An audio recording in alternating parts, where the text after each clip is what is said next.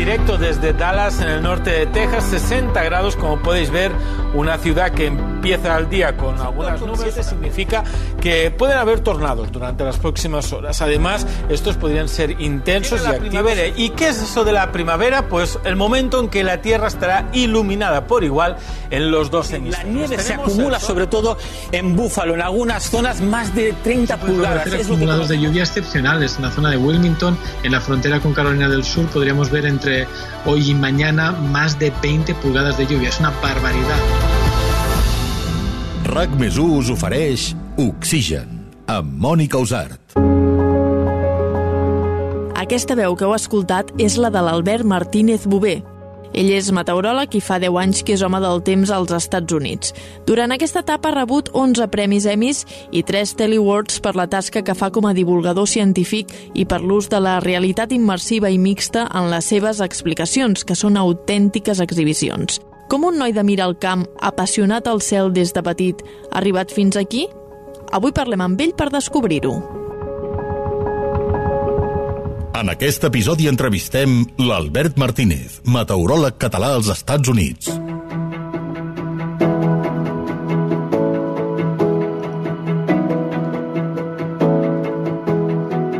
Hola, Albert. Bones, Mònica. Quina il·lusió de tornar-te a veure. Avui volem descobrir què hi ha darrere d'aquest famós home del temps i ho volem fer, doncs, començant pel principi.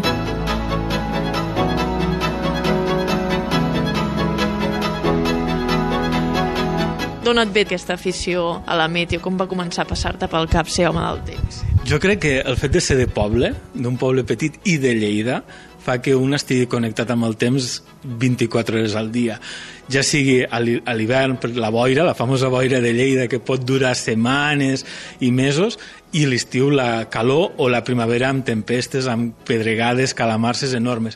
El fet de que canvi tant el temps, que hi hagi aquests contrastos d'una estació a l'altra, quan ets petit i estàs creixent, acabes aprenent que si ve la broma per darrere el campanar, plourà, que si ve el vent de no sé què, és la marinada perquè és el vent d'Arbeca. I això va despertar aquest interès d'estudiar de, de, la meteorologia, la, la ciència de la Terra. Però no va ser fins a l'institut, fins al moment de dir cap a on vull tirar, que em vaig decantar cap a física i vaig acabar geografia. Així que...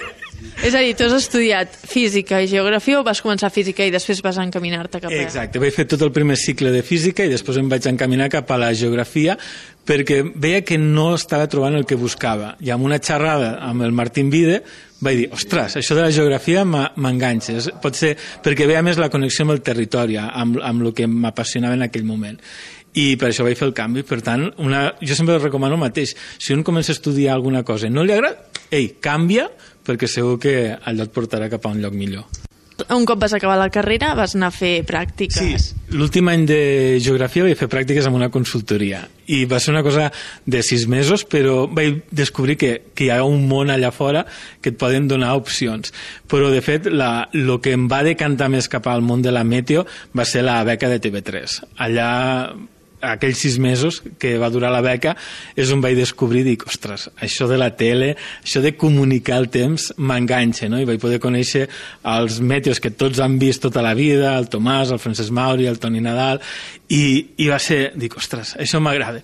Però ho veia difícil, perquè Catalunya eh, és, són pocs són po i no hi ha moltes opcions, i menys fa 20 anys enrere.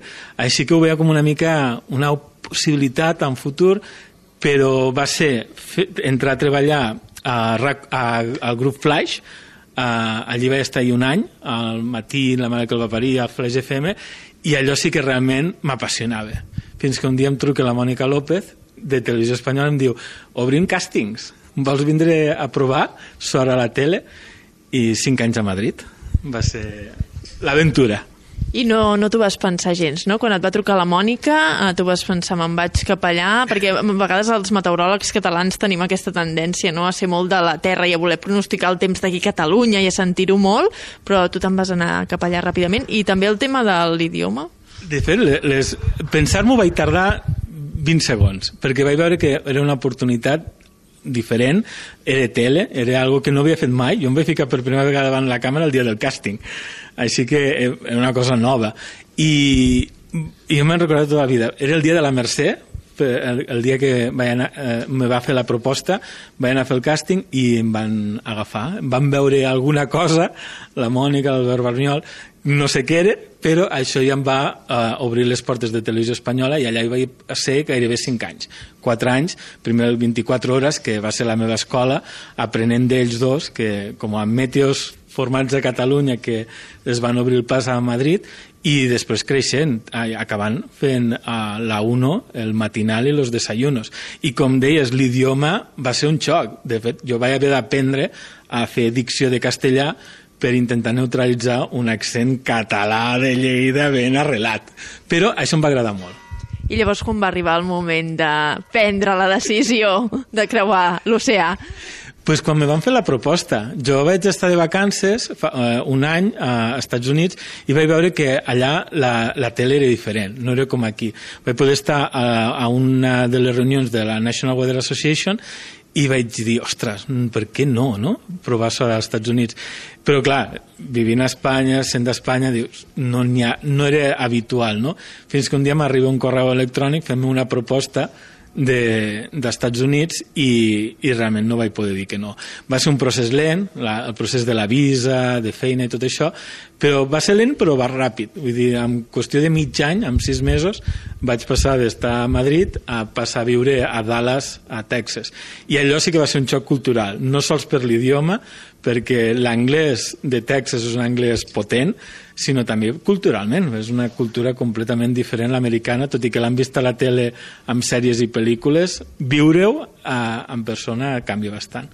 I tu el que vas intentar va ser traslladar una miqueta la manera de fer d'aquí allà? Sí, sí, sí. Jo crec que si Catalunya té algo és que ens apassiona el temps i, i ja des dels inicis de TV3 aquesta forma diferent de fer el temps amb les fotos de la gent, amb els vídeos amb un vocabulari senzill perquè eh, tothom sap, no? Quan una, ara a Televisió Espanyola estem acostumats amb un vocabulari senzill que és el que van exportar la Mònica i el, i el Barniol però als Estats Units el temps quan jo vaig arribar, el temps especialment a la televisió llatina, no, tenia, no ho feien els meteoròlegs, ho feia un, normalment una reportera que feia espectacles i el que buscaven era mantenir l'audiència. I de cop i volta arribo jo amb unes idees diferents, a, volent demanar a la gent que ens enviï fotos de les calamarsades, de la pluja, del sol, de la sequera, i allò va crear un punt d'inflexió que el, durant els últims 10 anys s'ha vist en tota la companyia on està treballant 9 anys com fins i tot a la competència que s'han anat adaptant a aquesta manera nostra de fer el temps És a dir, tu vas crear una miqueta això als Estats Units? va ser el punt d'inflexió en espanyol perquè en espanyol no existia uh, abans de que uh, els meteoròlegs no n'hi havia molt pocs uh, en, en televisions en espanyol. Eren comptats Miami pel tema dels huracans uh, Houston i poc més. Uh, Dallas vaig ser, amb 25 anys que tenia la companyia vaig ser el primer meteoròleg eh, oficial. El de més eren periodistes que feien la informació del temps. I, i això va ser una forma de, de crear uh, aquesta nova manera no?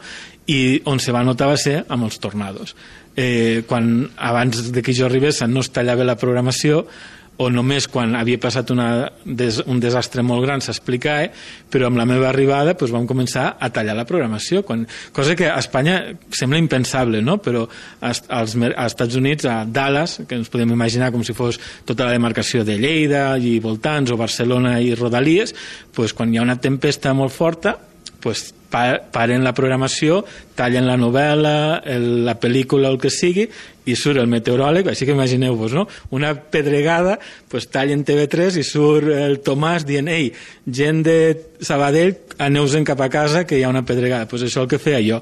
Sortia i tallava la novel·la, la Virgen de Guadalupe o qualsevol novel·la, i dia, senyores de Fort Worth, iros pa casa que hi ha un tornado cerca. I això és una cosa que no ens han ensenyat a l'escola i realment te dona la, el, el poder, fa canviar que pots ajudar la gent. I, i és una cosa increïble. No té preu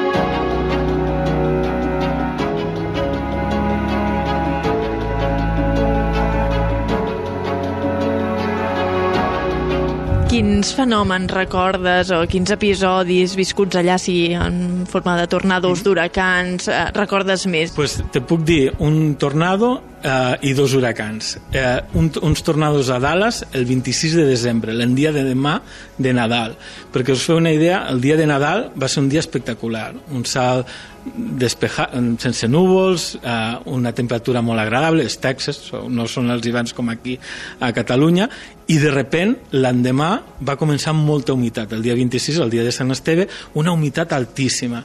I els models van començar a canviar. I vaig haver de trucar al productor executiu i dir-li ei, uh, compte que aquesta tarda pot explotar uh, usem l'expressió pot petar, no? pot explotar i vam anar a les 2 de la tarda a l'estació i van començar des de les 3 i mitja fins a les 12 de la nit, pràcticament 6 hores, més de 6-7 hores, constantment 25 tornados, un darrere l'altre i això va ser l'endemà de Nadal. Aquest és una de les dates que tinc més marcades, especialment perquè un tornado va ser F5 i va passar per Garland i Rowlett i va arrasar literalment un, un uh, vecindari, uh, un grup de cases, van quedar completament arrasades i va passar el tornado per damunt de l'autopista i hi havia gravacions que van sortir de gent passant per l'autopista veient el tornado creuant i tallant-se les comunicacions. Llavors, és un d'aquells episodis que em va marcar moltíssim, aquells tornados. Després, Harvey, un huracà a Houston, eh, l'huracà que més pluja ha deixat als Estats Units en tota la seva història, eh, és l'episodi més, amb més pluja, va inundar la ciutat amb quasi més de 60 polzades de pluja i per 5 dies vam estar vivint a l'estació, dormint, menjant i dutxant com podíem a l'estació perquè estava tot inundat, tots els carrers coberts d'aigua i era programació 24 hores durant una setmana constantment parlant de l'huracà, de la recuperació i com afectava la gent, perquè molts, eh, moltes àrees de la ciutat van quedar anegades durant mesos d'aigua i molta gent ho va perdre tot. I el tercer huracà, Michael. I aquest és especial perquè va ser el meu primer huracà al carrer perquè fins ara era huracans dins de casa, no? dins de l'estació de televisió, i aquell va ser el meu primer a Nova Orleans, al carrer, experimentant vents de categoria 3, que no pots parlar pràcticament perquè el vent és tan fort, no pots obrir els ulls, has de portar eh, ulleres com de submarinista o, o, o d'aquestes que et protegeixen perquè et costa parlar, et costa aguantar-te dret i, i va ser un, un, un dels events que més recordo. He vist més huracans, però el de Nova Orleans, eh, Michael, va ser espectacular. Als Estats Units hi ha molt la tendència de que els meteoròlegs vagin a cobrir la notícia al lloc on està passant. Sí, és, és una cosa que potser no fem massa aquí i que fa que s'acosti més la informació a la gent i a la vegada fa que la gent tingui més interès en la meteorologia perquè veu aquella persona no? que surt a la tele explicant el temps o l'escolta a la ràdio, de cop i volta el tenen al lloc. No? Sí que es fa algunes vegades quan hi ha algun desastre gros amb alguna inundació o coses així, però als Estats Units és molt habitual potser quan és un, un tornado el meteoròleg està a l'estació alertant a la gent, però quan ha passat se'n va al lloc. Quan és una nevada, sí, és més habitual veure el meteoròleg al carrer caient-li peus i peus de neu a sobre o quan és un huracà. És, és bastant habitual i això te connecta més amb l'audiència i, i eleva la teva feina a un altre nivell. I com és treballar en un país on el govern i el president no creuen el canvi climàtic en un moment com el que estem vivint? En el seu moment va ser complicat perquè fins i tot tu veies que, que es deien mentides a l'aire confonent el cono de trajectòria d'un huracà amb l'impacte d'aquest, no? quan el cono només és per on se pot moure el centre, no, no té res a veure amb el tamany o la intensitat. Era, era dur, era dur. Eh, jo crec que tot depèn del director de notícies que un tingui.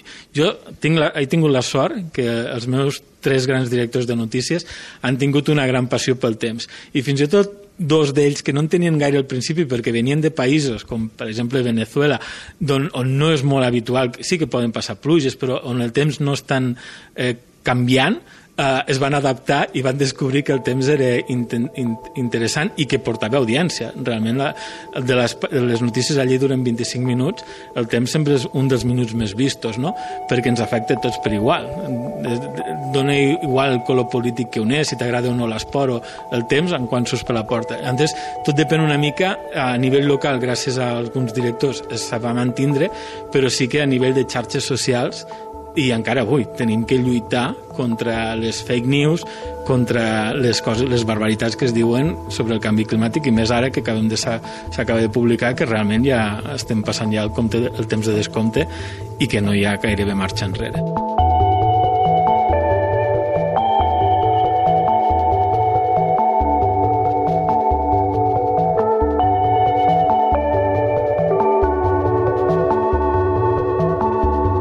Voldries tornar a Catalunya o se't quedaria petit ara? A mi m'agradaria tornar perquè una de les coses que a mi m'agrada quan vinc a, a mirar el camp, al poble, és anar a caminar i, i voltar. Per exemple, donar voltes pel terme, caminant, veient els camps. Això potser un del poble, un que viu aquí, no ho valora tant, però en el meu cas, que he viscut eh, o visc en ciutats enormes que curt se queda Barcelona o Madrid, com és Atlanta, Miami, Houston, Dallas, pues, això t'estira t'estira la calma, la tranquil·litat, el no sentir res, l'agafar el cotxe i no, que no hi hagi massa embusos, eh, això sí, això ho trobo eh, en falta. I el menjar, sobretot, eh, com se menja aquí. A veure, hi ha coses que no valorem eh, fins que les trobem en falta. Llavors, tornar sí, m'agradaria potser algun dia, clar, jo no tinc família, no tinc fills, no tinc res ara mateix, per tant no hi ha res que em lligui ni allà em lliga la feina, però mai se sap, no?, al final on, on acaba, però l'espineta de tornar eh, sí que hi és, però no sé com, no sé, i no sé a què, perquè quan has tocat els núvols es fa difícil. Ja m'ho imagino, ja. Escolta'm, una última qüestió. Has fet un llibre, i el llibre no és del temps. Sí, aquest ha estat un dels projectes més eh, grans eh, de la meva vida. Han sigut 15 anys eh, recollint fotos, una cosa que va ser tan innocent com preguntar-li a la padrina de casa que eren, que eren aquelles fotos que estaven en una capsa de sabates damunt de l'armari i d'allí va sortir el que s'ha convertit en la història gràfica de el Camp vaig començar recollint les fotos de casa, preguntant-li a la padrina qui és qui, de quan era cada foto, eh, i després si els seus germans tenien més fotos, no? per intentar fer un àlbum familiar. D'allà va sortir l'arbre genealògic de la família Dalmau, que vaig arribar a la conclusió que els Dalmau som de Miralcamp, és el segon cognom de ma mare, és, per tant, el primer de la meva padrina, des de 1490, des de quan comencen els registres dels llibres de batejos, jo vaig anar documentant, tinc documentats tots, les partides de naixement, matrimoni, de funció de Miralcamp des del 1400 fins ara, eh, i d'allí va sortir, de recollir aquelles fotos familiars per ficar cara a algunes d'aquelles persones de l'arbre de família, pues va sortir la idea de i per què no pregunto una miqueta més? I amb l'alcalde que havia aleshores, amb el Melció, vam fer una crida al poble, vam fer una xerrada dient naixerà, eh, volem fer la història gràfica, volem fotos. La gent primer va costar una miqueta, però es va anar animant i he acabat amb 10.000 documents, unes 7.000 fotografies, totes elles documentades, persona, persona, lloc, esdeveniment, tot, i uns 3.000 documents del tipus de programes de festa major, eh, rebuts de botigues, eh, papers, cartes, documents varis. I de tot això, i aquí ve la feina grossa, durant gairebé 5 anys va ser seleccionar eh, unes 1.500 fotos eh, i documents per fer un llibre de la història de Miralcamp. Que la pandèmia i el fet d'anar canviant de ciutat ha allargat una miqueta més del compte, potser haguessin estat 10 anys, però hem afegit 5 anys més, però que realment és un projecte únic, perquè és la història dels últims 150 anys de Miralcamp explicat a través de les fotografies, que per un que ha estudiat geografia és increïble veure com ha canviat el poble, els carrers, com han canviat les tradicions, i per un amant de la meteorologia també, quan veus els temes de l'agricultura, i, i com ha anat evolucionant el regadiu, l'arribada la, de l'aigua, de del canal, de les segles, que ha transformat tot el, el, el voltant nostre. Per tant, sí, és un llibre de geografia humana i de tradicions, té una miqueta de meteorologia, però no tanta com, com tocaria no? per a un meteoròleg. Faries un llibre de meteo? Jo crec que sí, jo crec que ara sí. Ara que tanco aquest cicle, sé que tinc idees per fer i ja hem estat parlant i antes eh, hi ha idees per fer alguna cosa. El que tinc clar és que no seran 15 anys més de feina, vull dir, ha de ser alguna més ràpid, però ara ja m'he tret l'espineta aquesta de, de publicar el primer llibre i que la gent el tingui i el vegui. Jo crec que això és com tot, no? La primera vegada que s'usa la tele, la primera vegada que s'usa la ràdio, te costa, te costa, tens aquella por, aquell, ai, què pensaran, com ho veuran, però ara que ja ha sortit, ara que ja està entregat, que està acabat, que he vist la feina que porta, eh, realment tinc moltes idees per explicar moltes coses diferents i més eh, havent nascut aquí i haver, i haver tingut aquesta trajectòria tan boja que si li preguntes a l'Albert Martínez de quan tenia 5 anys de, i anar al col·legi a mirar el camp ni de lluny t'hagués dit que acabaria visquent el que he viscut. Moltes felicitats Albert doncs, per aquest llibre i també per tots els èxits professionals. Moltes gràcies per compartir aquesta estona amb nosaltres i que vagi molt bé la tornada a Atlanta. Moltes gràcies, Mònica, per haver vingut a Mirar el Camp a presentar el meu primer llibre, la història gràfica de Mirar el Camp. No és de meteorologia, però sí que molts que tenen la meva passió pel territori veuran coses reflexades en ell. I també moltes gràcies per escoltar i deixar-me explicar la meva trajectòria que els futurs meteoròlegs de Catalunya vegin que tant fa d'on vinguem, podem ser d'un petit poblet del Pla de Lleida i acabar pronosticant huracans i tornados a l'altra banda del món. És un plaer i espero poder seguir parlant molt més amb tu.